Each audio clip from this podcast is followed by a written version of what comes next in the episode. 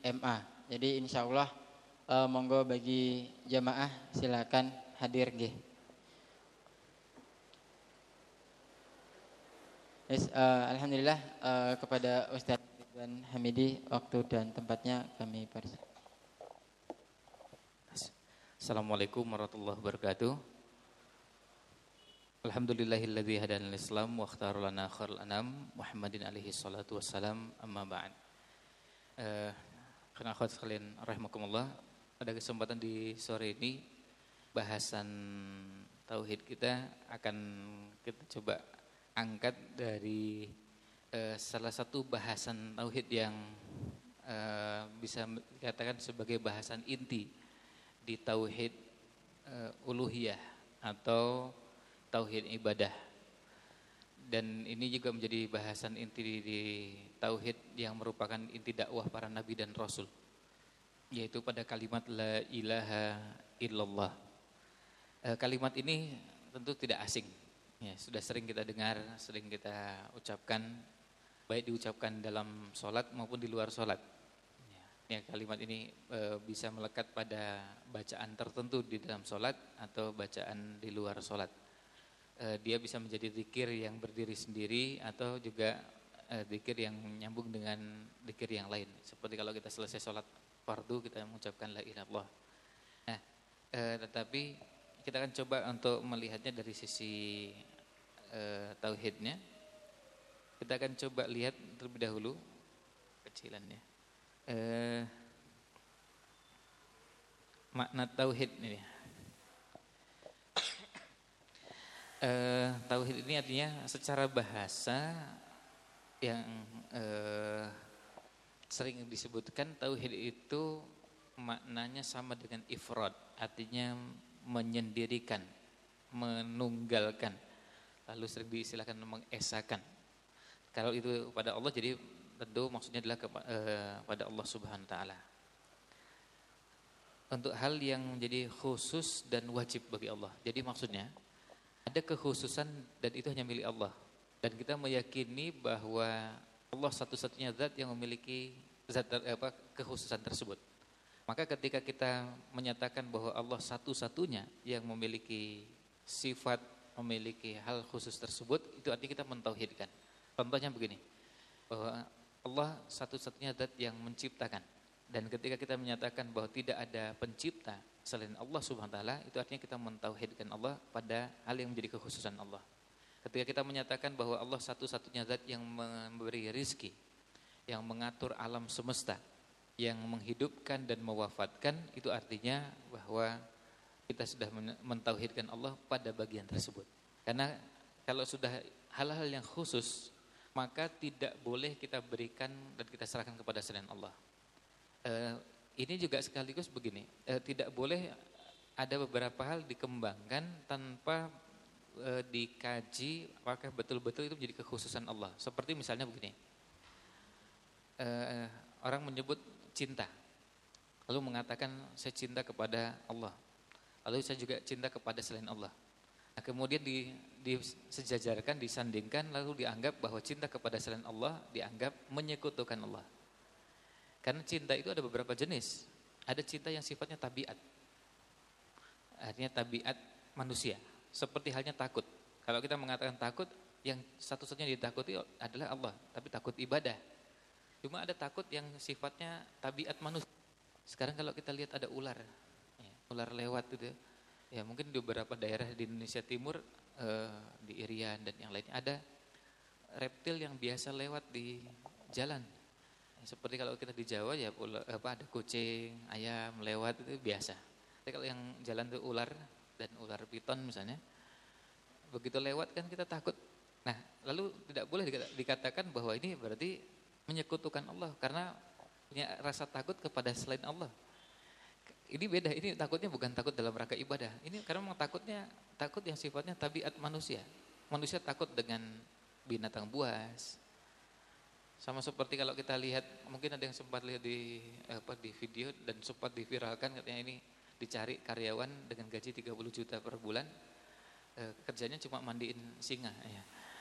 Nah, ya baru lihatnya aja, lihat pawangnya mandiin itu kan kita sudah ngeri ini lihat eh, apa cakarnya, lihat tariknya, tariknya lihat eh, apa giginya itu baru lihat aja udah mengerikan. Dan itu tabiat manusia, wajar kalau ada manusia yang merasa takut. Nah itu sama kata takut dengan takut, tapi jenis takutnya berbeda. Nah yang tidak boleh adalah kalau kita takut dalam rangka ibadah. Kalau takut pada sesuatu yang sifatnya tabiat itu wajar dan biasa. Kita melihat ada sama seperti anak kecil takut kepada orang yang lebih besar.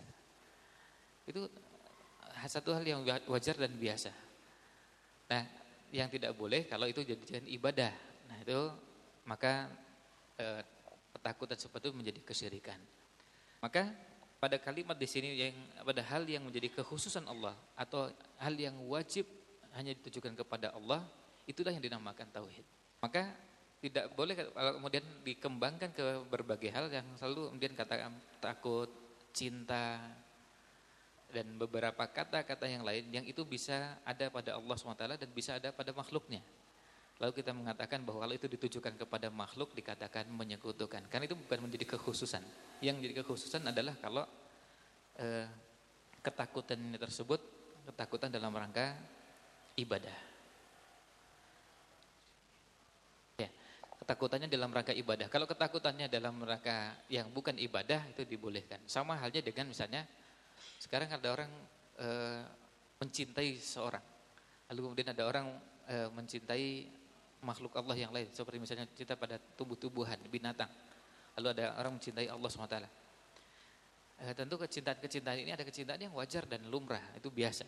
Orang suka, senang. Tapi kalau itu nanti ibadah dan sampai pada harus berhadapan dan bertentangan dengan kecintaan kepada Allah, baru di situ nanti ada masalah yang harus diselesaikan.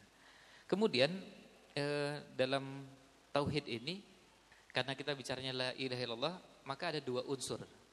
Unsur yang pertama di sini diistilahkan dengan nafyun dan yang kedua dengan isbat. Nafyun itu negasi. Karena katanya diawali dengan la ilaha. Kata la itu artinya negasi. Kita menyatakan tidak ada. Ketika kita mengatakan la ilaha itu artinya kita mengatakan tidak ada ilah, tidak ada sembahan yang berhak layak pantas disembah. Apa pun bentuknya. Nah ini masuk ke wilayah yang berhubungan dengan ibadah. Dan ini tadi kita sampaikan di awal bahwa ini menjadi hal yang khusus dan jadi hal yang harus harus atau wajib diberikan hanya kepada Allah. Kita mengatakan tidak ada sembahan, sembahan dalam bentuk apa pun. Itu namanya negasi. Baru kemudian ada namanya isbat yang artinya penetapan bahwa tidak ada yang berhak disembah kecuali Allah SWT. Tidak ada yang boleh, tidak ada yang berhak disembah apa pun wujudnya dengan ibadah yang benar kecuali hanya kepada Allah Subhanahu. Ini berkaitan dengan tauhid. Kemudian ada istilah akidah. Eh, kadang akidah di perbuatan atau keyakinan dalam hati yang di situ ada dua unsur. Pertama menerima sesuatu, lalu ya, lalu yang kedua ada sikap membenarkan sesuatu tersebut. Dia diterima sebagai sesuatu yang masuk ke dalam dirinya, kemudian diyakini dan itu menjadi perilaku atau menjadi landasan untuk e, berbuat, berbicara dan landasan untuk segala uh, apa perbuatan uh, ucapan atau perbuatan yang muncul dari dalam dirinya. Nah, uh, kalau akidah karena berasal dari kata akoda yang artinya mengikat, lalu bahasa Indonesia kita mengenal kata akad. Kita mengenal ada istilah akad jual beli, akad simpan pinjam, akad sewa menyewa, akad nikah, yang itu artinya ikatan. Maka fokus pengertiannya lebih pada ikatan yang itu ditanamkan di dalam hati. Maka ketika kita mengatakan akidah, akidah itu akan bertingkat-tingkat. Ada akidah yang itu sangat kuat dan itu sudah menjadi keyakinan sehingga jangankan diberikan iming-iming tawaran sampai diancam dengan risiko kematian pun itu lebih dipilih daripada meninggalkan keyakinan. Contoh yang kita lihat di awal sejarah Islam dalam sirah Nabawiyah adalah kisahnya Bilal. Di disiksa dengan siksaan yang saat itu eh, termasuk orang awal yang disiksa dengan siksaan yang eh, cukup berat. Karena bukan cuma sekedar dicambuk tapi eh, di eh, tubuhnya diletakkan di bawah terik matahari yang sangat panas. Eh, Anda bisa merasakan panasnya luar biasa karena pernah merasakan musim panas di sana lalu sendal hilang ya pas keluar dari masjid sendal tukar dengan orang kita jalan, jangankan jalan jauh, jalan dari cuma dari ini pelataran sini, cuma, lalu sampai ke pagar, ya, pagar warna hijau tadi. Lari dan itu suhunya 45 derajat, kemudian alasnya panasnya luar biasa, rasanya kaki ini melepuh, ya, panasnya luar biasa. Itu bayangkan kalau tubuh yang diletakkan di ya, di eh, pada pasir yang panasnya luar biasa, panas sekali. Eh, kalau ngukurnya kalau nggak usah pakai kaki tadi yang gampang adalah e, ngukur ketika nyuci pakaian tanpa diperas. Jadi cukup e, setelah dicuci dibilas, kemudian langsung digantung, ditinggal sholat duhur. Pulang-pulang sudah kering. Ya, pulang sholat, sholat duhur sudah kering pakaiannya. Jadi nggak perlu e, pengering di mesin cuci. Ya. Karena saking panasnya, panas luar biasa. Nah, e, dengan kondisi seperti itu kita bisa bayangkan Bilal disiksa. Dan itu bukan sebentar. Tapi Bilal memilih untuk lebih baik mati dalam keadaan membawa akidah ini. Dalam membawa akidah daripada harus mengatakan kekufuran. Nah ini yang dilakukan oleh Bilal. Inilah yang dinamakan dengan akidah. Nah kalau iman biasanya dalamnya ada beberapa bagian. Pertama bagiannya adalah keyakinan di dalam hati. Yang kedua diucapkan dengan lisan dan yang ketiga diwujudkan dengan anggota badan. Itu prinsip dasar keimanan. Semua bahas tentang iman aslinya mencakup tiga hal tadi. Itu sebabnya pada saat membahas wal asr innal insana lafi khusr illal ladzina amanu wa amilus solihat. Para ulama mengatakan kata wa amilus solihat ini adalah penyebutan bagian dari keimanan atau zikrul khas ba'dal am. Penyebutan bagian dari sesuatu yang sifatnya umum. Kata amilus solihat itu adalah bagian dari iman. Karena asalnya iman itu di dalamnya ada amal soleh. Tidak ada ceritanya iman tanpa amal soleh. Gak ada ceritanya orang beriman lalu tidak muncul dalam bentuk amal. Nah, tapi kadang-kadang disebutkan fungsinya untuk memberikan penegasan bahwa iman itu tidak cukup hanya iman tanpa dibarengi dengan amal soleh. Nah ini e, beberapa pengertian awal. Eh. Nah kemudian kalau kita bicara iman yang semuanya e, tadi unsurnya ada tiga kalau kita kaitkan dengan syahadat La ilaha illallah Muhammad Rasulullah Lalu dikaitkan dengan sholat, puasa, zakat, haji Anda tidak akan bahas uh, semuanya ke bawah. Tapi fokusnya begini. Pada saat kita membahas sol, uh, rukun Islam yang lima Dua kali syahadat, lalu sholat, puasa, zakat, dan haji Semua bagian dari rukun Islam ini Mengenal ada istilah pembatal. Sholat bisa batal puasa bisa batal, zakat bisa batal, haji bisa batal, syahadat juga bisa batal. Nah gitu. Syahadat la ilaha illallah seseorang juga bisa batal. Nah bedanya begini. Jadi nggak usah fokus ke sini tapi eh, anda coba ringkaskan supaya lebih mudah. Eh, bedanya kalau orang sholatnya batal, yang batal cuma jenis sholatnya dan cuma satu sholat. Misalnya gini, tadi sholat asar. Di tengah-tengah sholat asar, lalu ngentut. Kalau bahasa, dalam bahasa Arab ngentut itu ada dua jenis, yang berbunyi dan tidak berbunyi. Nah, e, maksudnya istilahnya istilah ada istilah khusus untuk yang berbunyi dan tidak berbunyi. Tapi kalau bahasanya pokoknya sama aja lah. E, e, mau berbunyi nggak berbunyi, yang yang jelas ngentut termasuk pembatal. Nah, ketika ngentut, yang batal apa? Yang batal cuma sholat. Puasa tidak batal, puasa Ramadan yang kita kerjakan, kemarin puasa Senin Kamis yang kita kerjakan, tidak ada yang terpengaruh sedikit pun dengan kentut kita di sholat. Kemudian cuma satu sholat Artinya tadi kalau sholat asarnya batal, yang batal cuma sholat asar, sholat duhurnya tidak terpengaruh. Sholat subuh tadi nggak terpengaruh sama sekali. Termasuk sholat qobliyah duhur, sholat ba'diyah duhur sama sekali tidak terpengaruh dengan batalnya sholat asar kita. Ini bedanya. Puasa juga begitu. Kalau sekarang misalnya kebetulan hari ini sedang puasa, lalu batal dengan melakukan salah satu pembatal puasa. Yang batal apa? Cuma batal puasanya. Sholatnya tidak batal. Semua sholat yang pernah dikerjakan tidak batal gara-gara melakukan pembatal puasa. Dan puasa yang batal pun cuma puasa hari ini. Seandainya kita kemarin puasa atau pekan lalu puasa atau bulan lalu puasa tidak terpengaruh dengan batalnya puasa kita hari ini. Nah ini beda antara empat dengan satu. Di empat bagian rukun Islam tadi yang batal cuma satu aja. Tapi kalau yang batal syahadatnya, yang batal la ilaha illallahnya, ini membatalkan sholat, puasa, zakat, dan haji.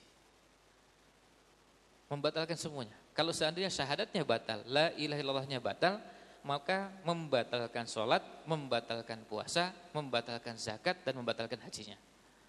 Nggak ada fungsinya. Karena apa? Karena sudah batal syahadatnya. Kalau sudah batal syahadatnya berarti batal keislamannya. Dan silakan ikhwan akhwat sekalian baca di beberapa buku fikih biasa disebutkan ini salah satu hubungannya dengan bahasan kita ini. Kalau kita masuk ke buku fikih, lihat ke bahasan sholat, bahasan puasa, bahasan zakat, bahasan haji. Coba masuk ke bahasan syarat orang yang mengerjakan sholat. Satu, Islam. Sepintas mungkin kalau orang nggak mencermati, lah kenapa disebutkan Islam? Ya jelas Islam lah yang sholat. Bukan begitu. Kemarin bisa jadi Islam, tapi tadi murtad. Tadi batal syahadatnya. Maka harus diperbaharui keislamannya. Karena sudah batal syahadatnya. Batal keislamannya. Mau puasa, nah puasanya eh, syahadatnya batal. Ya berarti harus diperbaharui lagi syahadatnya. Kalau mau haji, kalau seandainya syahadatnya batal, maka harus diperbaharui syahadatnya. Itu bedanya. Jadi itu beda dengan kalau kita masuk ke bahasan sholat. Kalau sholat ringan. Sholatnya batal, tinggal wudhu lagi, sholat lagi selesai. Tapi kalau syahadatnya batal, nggak bisa wudhu. Artinya wudhu pun tetap tidak mempengaruhi syahadatnya. Maka di sinilah urgensinya, pentingnya membahas tentang pembatal keimanan, pembatal syahadat, pembatal akidah, pembatal tauhid, pembatal la ilaha illallah. E, kalau mengenai poin-poinnya apa saja pembatal keislaman banyak dan e, yang disebutkan di sini cuma sebagian. E, kalau cari di internet bahasannya insya Allah tidak sulit masukkan kata kuncinya pembatal keislaman atau pembatal syahadat nanti akan muncul daftar pembatal syahadat, pembatal keislaman. Tapi yang perlu dipahami begitu hubungannya supaya nanti kita bisa memahami pada saat membaca tulisan pembatal sholat tidak sama dengan pembatal syahadat. Membatal la ilaha illallah tidak sama dengan membatal puasa. Kalau membatal wudhu ringan. Wudhunya batal tinggal diulang lagi, selesai. Diulang lagi wudhunya dan itu hanya membutuhkan waktu beberapa menit. Tapi kalau membatal syahadat, resikonya masuk ke sekian banyak ibadah yang dikerjakan. Nah, dan tentu nanti kalau sudah batal syahadatnya, masuk ke resiko sampai kalau seandainya yang bersangkutan meninggal, lalu meninggalkan harta maka anggota keluarganya tidak bisa mendapatkan warisan. Karena ada hadis Nabi Shallallahu alaihi wasallam, orang muslim tidak bisa mendapatkan warisan dari orang kafir karena batal syahadatnya. Kalau orang batal syahadatnya, maka sudah dikategorikan orang yang keluar dari Islam atau sama dengan orang kafir. Nah, di sini disebutkan contoh, karena saya sebutkan contoh pembatal keimanan. Eh, di nomor 4 misalnya ini yang apa yang paling populer adalah menyekutukan Allah SWT atau yang sering diistilahkan dengan syirik. Eh, Ikhwan akhwat sekalian, kalau kita mengkaji hadis Nabi SAW, tolabul ilmi faridatun ala kulli muslim, menuntut ilmu itu wajib bagi setiap muslim, kata Al-Ghazali, ilmu yang wajib dipelajari itu ada tiga. Rukun Islam, rukun iman, dan hal-hal yang dilarang dalam agama. Rukun Islam jelas ada lima, rukun iman ada enam hal-hal yang dilarang dalam agama kalau kita menyebutkannya dosa, dosa ada dua jenis, dosa besar dan dosa kecil. Dosa besar ada 76. Dosa besar ada 76. Nomor satu menyekutukan Allah SWT. Nomor satunya menyekutukan Allah SWT. Lima dosa tertinggi ada menyekutukan Allah, membunuh, berzina, durhaka pada orang tua, termasuk juga perdukunan, itu termasuk dosa besar di urutan lima teratas. Homoseksual nomor 17, di urutan nomor 75, dosa besarnya khusus laki-laki, meninggalkan sholat Jumat. Nomor 76-nya, dosa besarnya adalah berpihak kepada asing, kepada musuh-musuh Islam, dan memata-matai umat Islam. Ini dosa besar nomor 76. Jadi KTP-nya Islam, tapi bekerja untuk kepentingan di luar umat Islam. Eh, ini daftar dosa besar. Dan nanti ini juga sama, kalau mau cari tinggalkan cari di eh, Google kata kuncinya 76 dosa-dosa besar. Kalau ingin eh, apa eh, cepat carinya bisa dengan tambah kata kuncinya Zahabi, D Z A H A B I, Imam Zahabi. Maksudnya ini kumpulan dosa-dosa besar yang disebutkan oleh Imam Az-Zahabi. Kalau bukunya itu banyak di toko buku. Nah, e, menyekutukan Allah SWT termasuk pembatal keimanan, pembatal keislaman, pembatal syahadat, pembatal la ilaha illallah. Dan e, yang lain, e, misalnya nomor 6, berkeyakinan bahwa hukum Allah dan Rasulnya tidak sempurna. Bahwa hukum Allah ini tidak bisa menyelesaikan masalah. Hukum Allah ini, mau Quran, mau hadis, tidak bisa menjadi solusi persoalan-persoalan kehidupan berbangsa dan bernegara. Dan minta supaya eh, tolong jangan bawa-bawa agama ke ruang-ruang publik. Jangan bawa-bawa agama ke ruang-ruang politik. Jangan bawa-bawa agama ke ruang-ruang ekonomi dan seterusnya. Karena dianggap syariat ini tidak bisa menjadi solusi atas persoalan-persoalan. Nah, kalau berangkat dari keyakinan bahwa syariat ini memang syariat yang tidak lengkap, tidak sempurna, tidak bisa menjadi solusi, maka berarti harus diselesaikan subhat tersebut. Dan ini bagian dari kewajiban setiap muslim dan muslimah untuk tolabul ilmi. Karena ilmu yang wajib dipelajari, selain yang tadi disampaikan, oleh Al-Ghazali adalah ilmu yang berhubungan dengan subhat dalam akidah.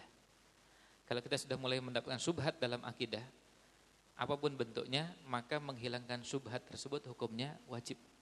Belajar yang bisa menghilangkan subhat tersebut hukumnya wajib. Nah, e, termasuk nomor tujuh, ragu dengan kekafiran orang kafir dan ragu dengan syiriknya orang musyrik.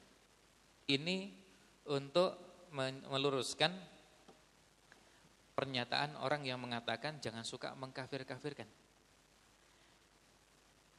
Mengkafir-kafirkan itu adalah mengkafirkan yang tidak kafir. Nah itu nggak boleh. Tapi ragu dengan yang kafir itu membatal keislaman. Itu termasuk membatal keislaman. Jadi yang benar adalah kita harus mengkafirkan yang jelas kafir dan tidak boleh mengkafirkan yang tidak kafir. Maka kalau ada pernyataan jangan suka mengkafir-kafirkan itu betul kalau mengkafirkan yang tidak kafir. Kalau ada orang muslim meskipun kita nggak kenal, sekarang kita ketemu di masjid seperti ini, terus kemudian karena yang masuk uh, seorang ikhwan, terus lalu kemudian seorang ikhwan pakai sarung, pakai songkok, terus kemudian kita lihat di sholat, kemudian keluar, kemudian kita meragukan keislamannya, nah itu yang bermasalah. Iya nggak boleh, ah, jelas sarungan. Terus orang bisa mengatakan, ya tapi kan kita nggak tahu ini keimanannya benar apa enggak. Nah ini yang nggak boleh. Ya kita menangkap dohirnya aja. Secara lahiriah kita lihat yang bersangkutan sholat. Yang namanya sholat itu adalah perilakunya dan itu e, kewajibannya seorang muslim. Kita nggak bisa isi, tahu isi hatinya. Nah nanti kalau sudah mulai ngobrol, meragukan beberapa hal terkait dengan syariat, atau menyerang beberapa bagian dari ayat-ayat Quran dan hadis, nah itu baru kita punya bukti-bukti untuk menunjukkan bahwa yang bersangkutan melakukan beberapa pembatal keislaman. Nah, ini bahasanya. Jadi kalau kita bicara tentang tauhid, bicara akidah, bicara iman, bicara la ilaha illallah, kita juga bicara tentang pembatal-pembatal keimanan. Pembatal-pembatal la ilaha illallah. Jadi pembatal syahadat sama halnya juga dengan kalau kita membaca membicarakan tentang pembatal eh, sholat, puasa dan yang lainnya. Masing-masing ada pembatal, cuma risikonya eh, berbeda. Kemudian kembali ke bahasan tadi, syahadat kita biasa mengenal istilah eh, dua kalimat syahadat, asyhadu alla ilaha illallah dan asyhadu anna muhammadan abduhu wa rasuluh atau asyhadu anna muhammadar rasulullah Eh, masing-masing ini punya pengertian dan kemudian punya e, rukun yang harus dipenuhi. Kalau bicara tentang syahadat la ilaha illallah, ada beberapa syarat yang harus terpenuhi. Yang pertama harus dibarengi dengan pengetahuan. E, cukup ditangkap kata kuncinya aja ini e, biar nggak terlalu panjang. Artinya perlu punya pengetahuan la ilaha illallah itu artinya apa. Sebab begini, masih ada buku yang menuliskan la ilaha illallah dengan beberapa tulisan terjemahan yang itu mengaburkan makna. Dulu kita pernah punya masalah tahun 90-an ada cendekiawan muslim nuliskan terjemah la ilaha illallah dengan terjemahan tidak ada Tuhan T kecil selain Tuhan T besar. Tidak ada Tuhan selain Tuhan, tapi Tuhan yang pertama T-nya kecil. Tuhan yang kedua T-nya besar. Bisa bedakan? Nah itu terjemahan dari la ilaha illallah. Nah itu yang harus diluruskan. Nah padahal jelas kalimatnya la ilaha illallah dan Allah itu bagi kita umat Islam itu adalah nama Tuhannya umat Islam. Tidak mungkin nama Tuhannya orang Hindu. Tidak mungkin nama Tuhannya orang Konghucu. Tidak mungkin itu nama Tuhannya orang Buddha. Tidak mungkin itu nama Tuhannya orang agamanya macam-macam. Jelas itu. Qul huwallahu ahad. Kalimat Allahnya jelas. Dan Allah memperkenalkan zatnya dengan nama Allah. Jumlahnya juga jelas. Jumlahnya satu, ahad, dan namanya Allah. Sehingga tidak mungkin diterjemahkan dengan T kecil, T besar. ya Tidak ada Tuhan, et kecil. Ya saya nggak tahu bacanya tidak ada Tuhan, et kecil ya, selain Tuhan besar ya. Eh, kita menerjemahkannya tidak seperti itu. Atau yang menerjemahkan begini, eh, tidak ada pencipta selain Allah. Kata ilah tidak bisa dimaknai dengan pencipta. Ilah itu artinya sembahan, yang disembah, yang dijadikan tujuan ibadah. Itu makna ilah. Jadi tidak ada ilah selain Allah, artinya tidak ada sembahan yang berhak dijadikan tujuan ibadah secara hak, secara sah kecuali Allah Subhanahu wa taala.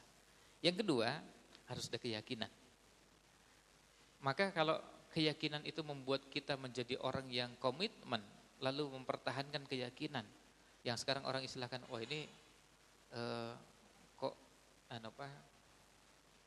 Ya orang mengatakan eh, saking kuatnya keyakinan itu kita pegang, kesannya jadi radikal, ya, jadi ekstrim, atau jadi ya silahkan istilahnya mau ditambahi 10 istilah juga terserah. Istilah itu muncul sebagai respon dari orang yang melihat bahwa ada muslim-muslim yang berpegang teguh dengan keyakinan. Lakum dinukum waliyadin atau keyakinan bahwa tidak ada ilah selain Allah. Semua sembahan selain Allah itu batil, salah. Yang membuat kita meyakini bahwa apa pun sembahan tersebut tidak ada nilainya di sisi Allah SWT. Dan tidak mungkin disandingkan. Nah yang membuat itu kita yakin sehingga apa? Semua kekuatan selain Allah kecil. Semua yang selain Allah itu tidak ada apa-apanya. Kemudian yang ketiga, ada namanya kabul, artinya menerima. Menerima kalimat ini, menerima maknanya, setelah dipahami isinya, setelah diyakini, itu diterima sebagai sebuah keyakinan. Yang keempat, ada kepatuhan. Dalam Islam, kalau sudah seseorang itu bertauhid, maka kepatuhannya kepatuhan yang mutlak tanpa ada sikap pilih-pilih. Kita sering mendengar istilah sami'na wa ta'na. Istilahnya sering, tapi prakteknya belum tentu sering. Ketika Allah menyatakan, kalau sudah bertauhid seperti itu, maka ketika Allah menyatakan perintah apa pun, Allah melarang dengan larangan apa pun, maka sikapnya sami'na wa ta'na. Itu artinya tauhidnya sudah beres. Itu artinya tauhidnya kuat. Karena kalau sudah tauhidnya tertanam kuat, Allah perintahkan apa pun sampai pada hal yang mungkin ibadah yang kita tidak paham dengan akal, kenapa harus begitu, kita kerjakan. Contohnya sholat. Ketika kita disuruh sholat, tadi sholat asar, kenapa empat rakaat? Apa alasannya? Kita nggak punya alasan, selain kita mengatakan, ya tuntunannya begitu. Dari sononya begitu. Emang hadisnya begitu. Mau diapa-apakan juga ya sholat ya begitu. Dan kita tidak punya penjelasan selain memang tuntunannya seperti itu. Kenapa subuh dua rakaat? Lalu kenapa nanti maghrib kok tiga rakaat? Terus isya kok empat? Gak ada penjelasan selain karena memang tuntunannya seperti itu. Dan kita tidak pernah memberikan statement, pernyataan atau sikap, saya tidak mau sholat sebelum saya pahami kenapa subuh dua rakaat. Baru saya mau sholat dua rakaat. Ya karena memang keimanan yang yang melandasi semua itu, maka kepatuhannya kepatuhan yang mutlak. Allah perintahkan apa pun kita siap. Sampai diperintah jangan makan, kita nggak makan. Di bulan Ramadan atau puasa kan nggak boleh makan. Padahal itu makan menjadi kebutuhan, bahkan Allah perintahkan kita untuk makan. Wakulu washrabu. Makanlah dan minumlah. Tapi begitu Allah perintahkan jangan makan, ya kita juga nggak makan. Jangan makan mulai dari subuh sampai maghrib. Ya kita juga gak makan. Itu namanya kepatuhan. Karena kita menerima la ilaha illallah, maka apa pun perintahnya sampai perintah yang mungkin tadi mungkin dianggap tidak masuk akal atau perintahnya begini, syariat kadang dibagi dua. Syariat yang menyenangkan dan yang tidak menyenangkan semuanya kita kerjakan. Menyenangkan itu dari sisi kitanya yang melakukannya. Apa contoh syariat yang menyenangkan? nikah. Oh iya, jelas menyenangkan. Iya. Selain itu makan-makan. Kurban. Idul Adha kan kita makan-makan. Pada saat setelah sholat lalu nyembelih, setelah itu apa? Makan-makan sampai tiga hari berikutnya itu dikatakan hari makan. Ayyamu mina atau ayyamu tasyrik yaitu hari tanggal 11, 12, 13 ayyamu aklin wa surbin hari makan dan minum. Diharamkan puasa. Kita suruh makan-makan. Maka kalau nanti tanggal 11 kita makan-makan, tanggal 12, tanggal 13 Dzulhijjah masih makan-makan, ya memang acaranya makan-makan. Hadisnya begitu di Sahih Muslim. Dan itu syariat yang menyenangkan. Termasuk juga akikoh misalnya. Diundang makan, wah itu syariat yang lalu kita semangat ini ngamalkan sunnah. Nah ini sunnah yang menyenangkan. Syariat yang menyenangkan. Lalu apalagi? Ya banyak contohnya. Sekarang contoh syariat yang tidak menyenangkan. Artinya banyak yang tidak suka. Contohnya apa? Apa? Memanjangkan jenggot. Bagi ya, memanjangkan jenggot dianggap tidak menyenangkan. Karena apa? Karena hidup di lingkungan orang yang nyinyir dengan orang yang ber, uh, berjenggot. Ya kan? Enggak, enggak menyenangkan kan begitu ya. Karena hidup di lingkungan yang seperti itu. Apalagi kalau sampai dikatakan semakin eh, semakin G, O, B, dan seterusnya. Ya, berakhir huruf K. Ya. Saya nggak tega mengucapkan itu di majelis yang mulia nih. Ya. Eh, tentu orang-orang terhormat menjaga juga lisannya. Ya. Orang yang terhormat menjaga izah, menjaga kemuliaan ilmu, tidak layak mengucapkan kata-kata tidak pantas di tempat yang mulia. Nah, apalagi itu dalam rangka penghinaan tentu bisa menjadi pembatal keislaman. Ya. Uh, contoh yang lain yang tidak menyenangkan apa? Apa? Perang. Ya. Kutiba alaikumul qitalu wa huwa kurhul lakum. Diwajibkan pada kalian berperang dan perang itu sesuatu yang tidak kalian sukai. Allah menyebutkannya di Quran. Perang itu sesuatu yang tidak kalian sukai. Tapi apa? Kutiba alaikum, diwajibkan atas kalian. Artinya pada waktunya harus berperang, ya berperang. Makanya Nabi SAW bersabda, La tatamannau liqa al-adu. Tidak boleh kalian berangan-angan bertemu dengan musuh. Jadi jangan petantang petenteng, lalu ngajak gelut, eh, ketemu orang, cari musuh. Itu tidak dibenarkan. Tapi kalau ada musuh yang berada di hadapan kita dan ngajak perang, ya tidak boleh lari, harus dihadapi. Kita nggak boleh ngajak orang gelut, ngajak perang, cari musuh. Tapi kalau musuhnya memang nantang dan e, mengajak kita berperang, ya ini harus di e, harus dihadapi dan tidak boleh mundur. Berikutnya Yang kelima ada namanya ikhlas. Ikhlas dalam artian betul-betul uh, dilakukan ini semuanya karena Allah SWT. Karena orang bertauhid juga bisa bermacam-macam.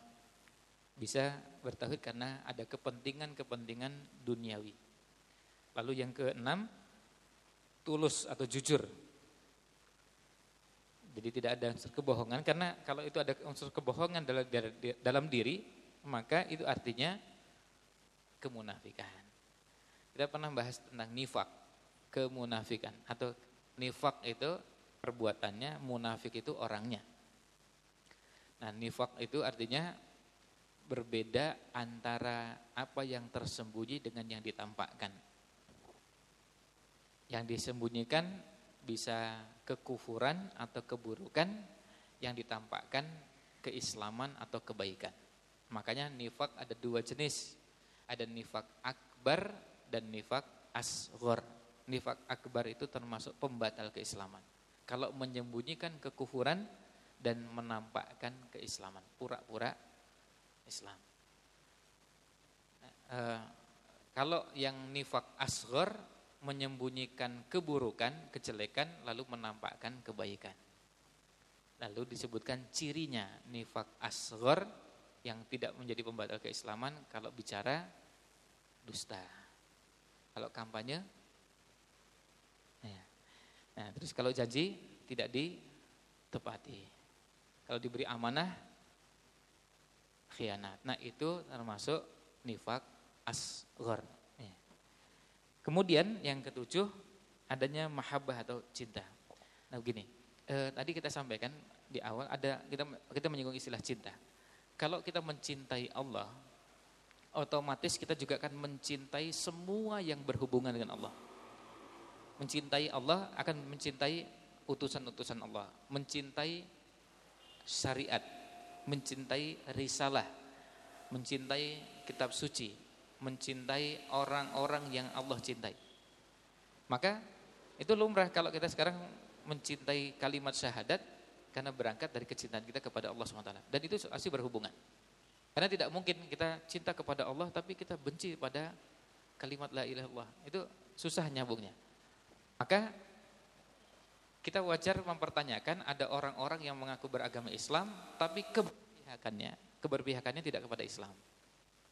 Itu wajar karena apa? Seharusnya kalau cinta Islam juga cinta kepada kaum muslimin, keberpihakan juga akan kepada kaum muslimin. Apalagi sampai mengeluarkan statement-statement, pernyataan-pernyataan, ujaran-ujaran. Nah ini ya berkaitan dengan syarat tauhid. E, sementara itu mungkin yang saya sampaikan e, sekali lagi untuk kesempatan kalau memang ada yang mau ditanyakan. Demikian uh, MC-nya ke mana? Oh iya, apa? Iya, uh, anda kembalikan pada MC.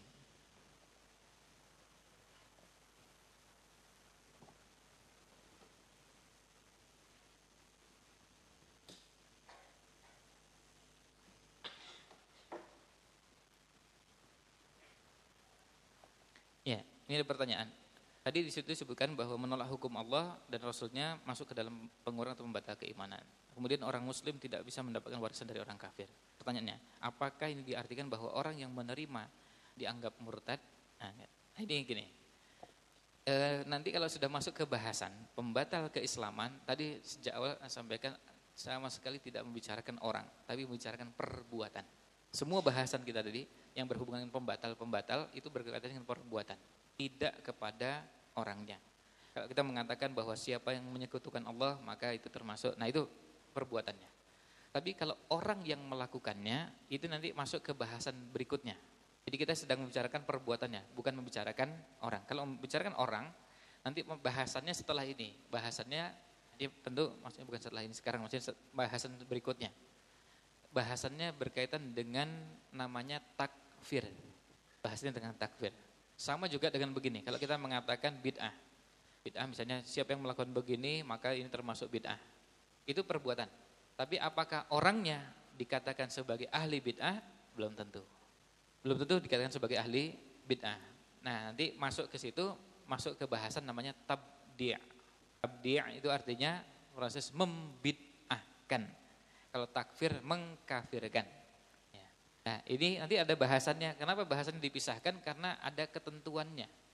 Tidak semua pelaku kekufuran otomatis dikatakan kafir. Tidak semua pelaku kekufuran dikatakan kafir. Tidak semua pelaku perbuatan kesyirikan dikatakan musyrik. Ada orang yang jelas-jelas melakukan pernyataan kufur tapi tidak kafir. Kita lihat dalam Al-Quran Allah menyebutkannya. Sahabat yang terpaksa, gak kuat disiksa, dipaksa untuk menyatakan kalimat kufur dan dia gak tahan, akhirnya apa?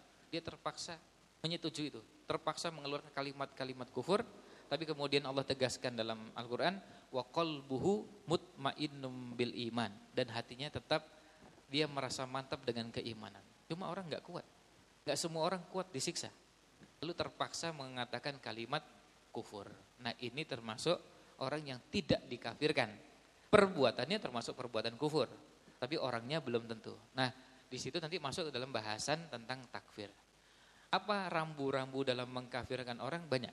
Di antaranya misalnya orang yang melakukannya benar-benar mengerti, tahu. Sebab kalau orang yang melakukannya tidak tahu bahwa itu termasuk pembatal keislaman maka tidak berlaku. Ada orang melakukan pembatal keislaman tapi dia nggak tahu.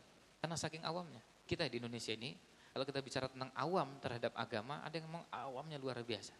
Bahkan sangat awamnya luar biasa. Contohnya sederhana, disodari pertanyaan berapa rukun Islam dan apa saja, berapa rukun iman dan apa saja, ada yang nggak bisa jawab. Ada yang nggak ada yang nggak bisa jawab dengan lengkap. Rukun Islam ada berapa, rukun iman ada berapa. Ini saking awamnya. Kita belum bicara tentang bahasan sholatnya, bicara tentang rukun iman kepada hari akhir, rukun iman kepada takdir dan seterusnya belum. Kita baru, ini belum bicara bagian per bagian. Cuma menyebutkan ada berapa dan apa saja masih ada yang tidak bisa menyebutkan.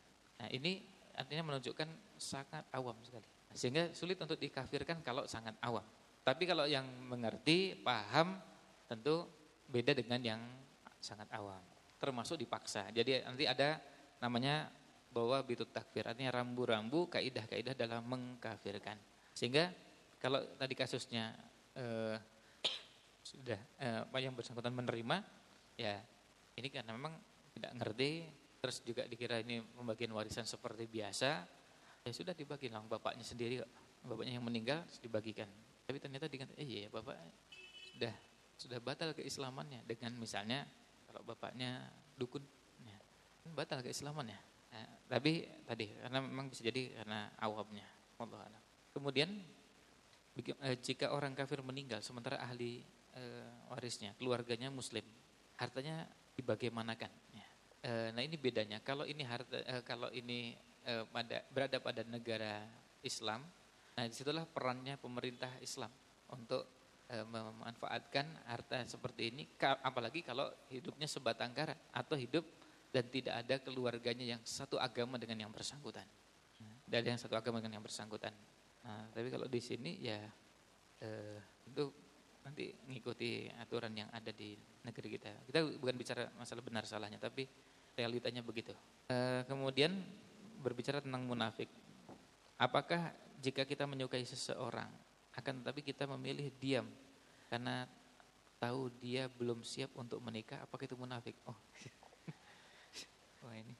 Apakah jika kita menyukai seseorang, akan tetapi kita memilih diam karena tahu dia belum siap untuk menikah? apakah ini munafik? Ah, ini. iya.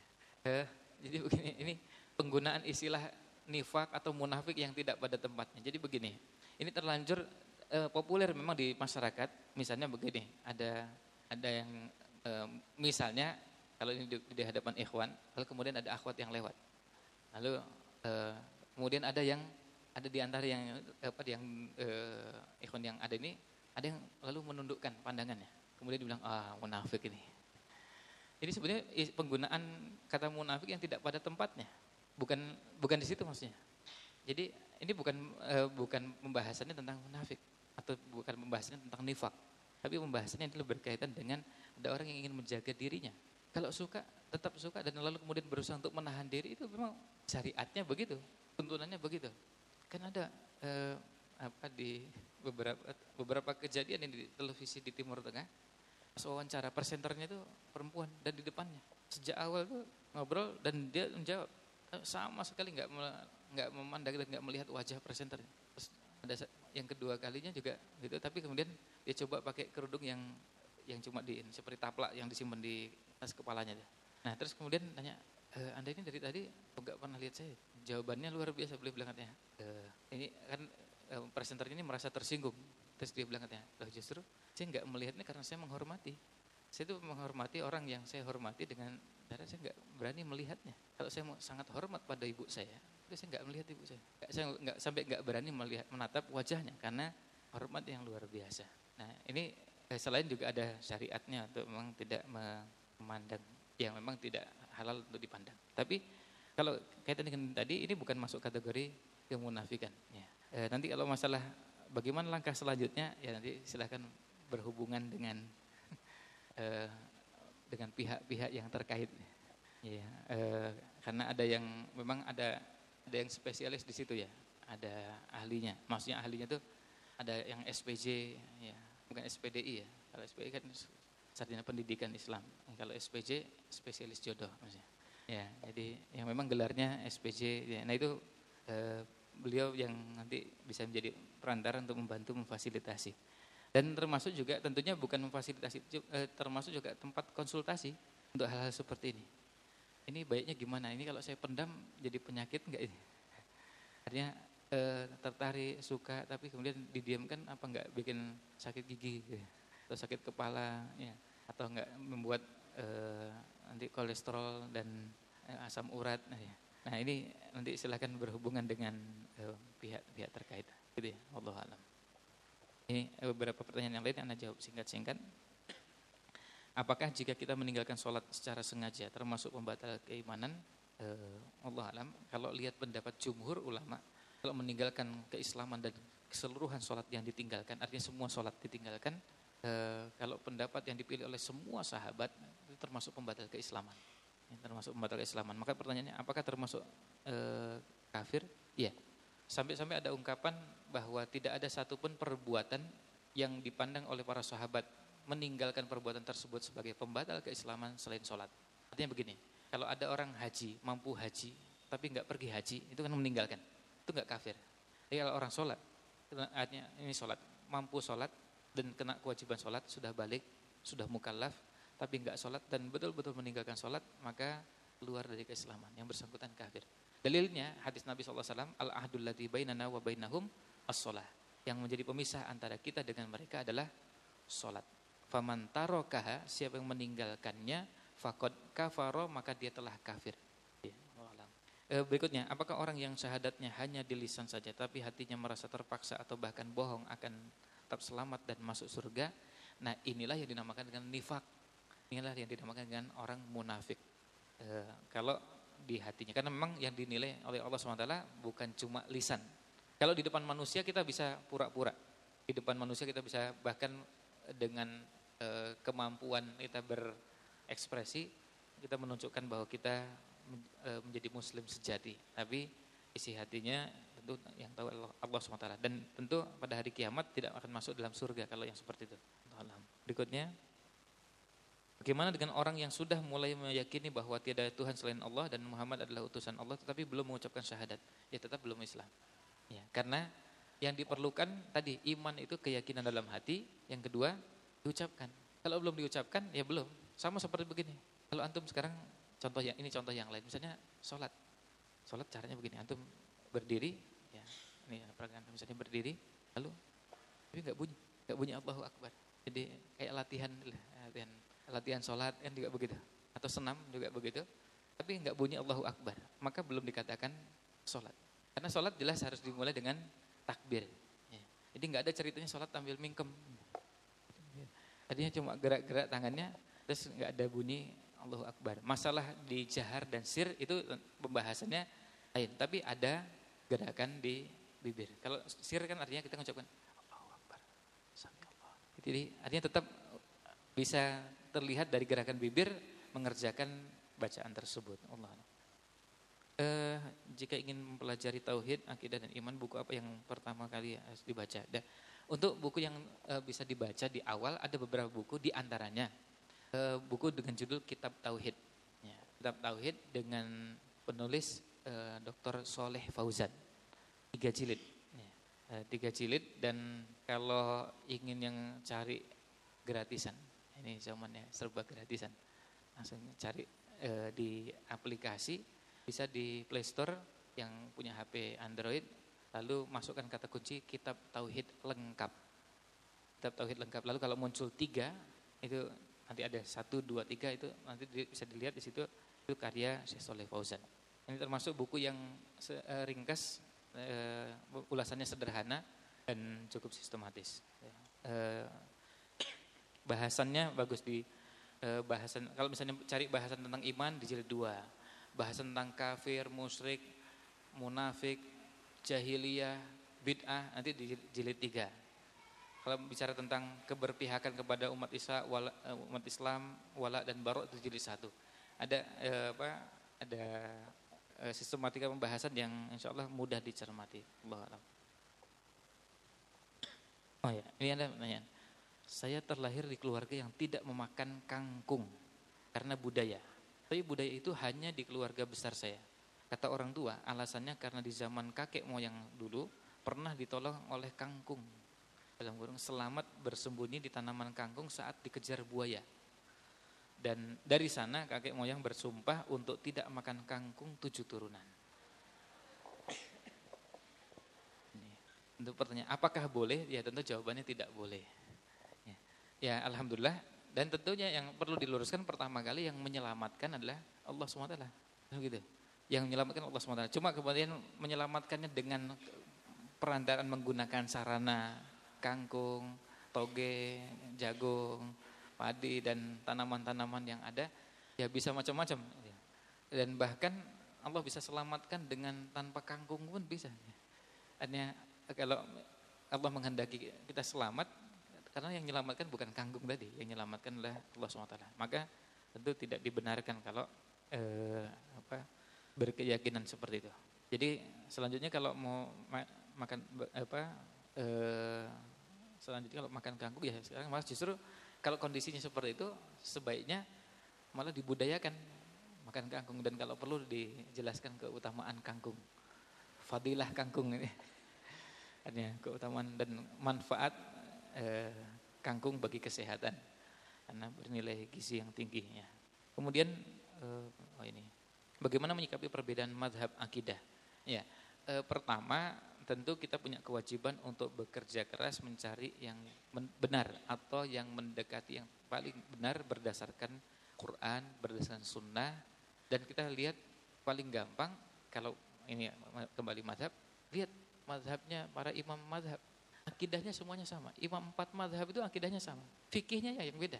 Acuannya ke situ. Coba lihat akidahnya Imam Abu Hanifah, Imam Malik, Imam Syafi'i, Imam Ahmad, semuanya akidahnya sama. Yang beda madhabnya di fikih. Misalnya yang satu pakai kunut, yang satu tidak pakai kunut. Tapi akidahnya sama. Yang satu e, misalnya ketika sholat tarawih jumlahnya sekian rakaat, yang satu lagi, nah itu perbedaannya di beberapa gerakan, bacaan, itu ada perbedaan. Tapi akidahnya semuanya sama. Nah kalau akidah kita sama dengan beliau-beliau, nah berarti aman.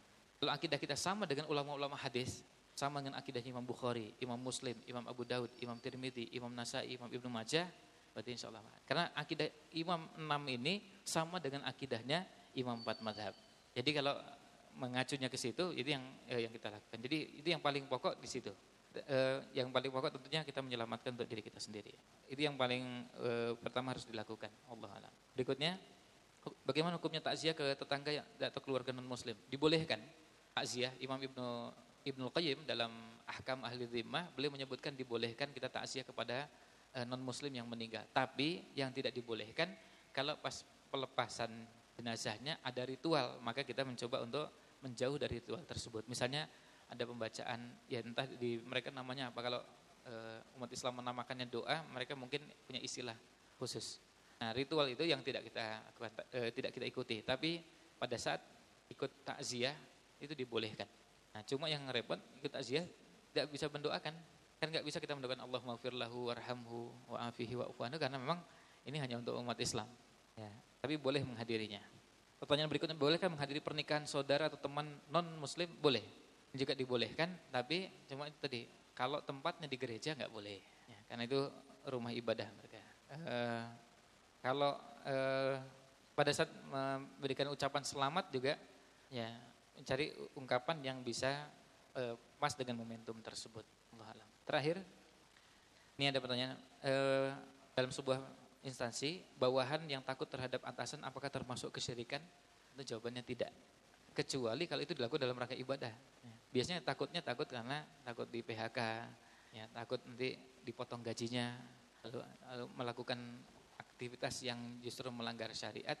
Nah, tapi itu e, belum tentu masuk kesyirikan. Nanti maksudnya dia kategorinya bisa maksiat kalau melakukan hal-hal yang dilarang dalam agama hanya takut e, kehilangan jabatannya. Kalau itu menggambarkan lemahnya akidah betul, tapi tidak masuk kategori pembatal keislaman sampai akhirnya dianggap murtad atau keluar dari Islam. Ya, demikian mudah-mudahan ulasan ini ada manfaatnya. Mohon maaf jika ada yang kurang berkenan. Wallahu a'lam sallallahu alaihi ala Muhammad wa ala alihi wa sahbihi ajmain.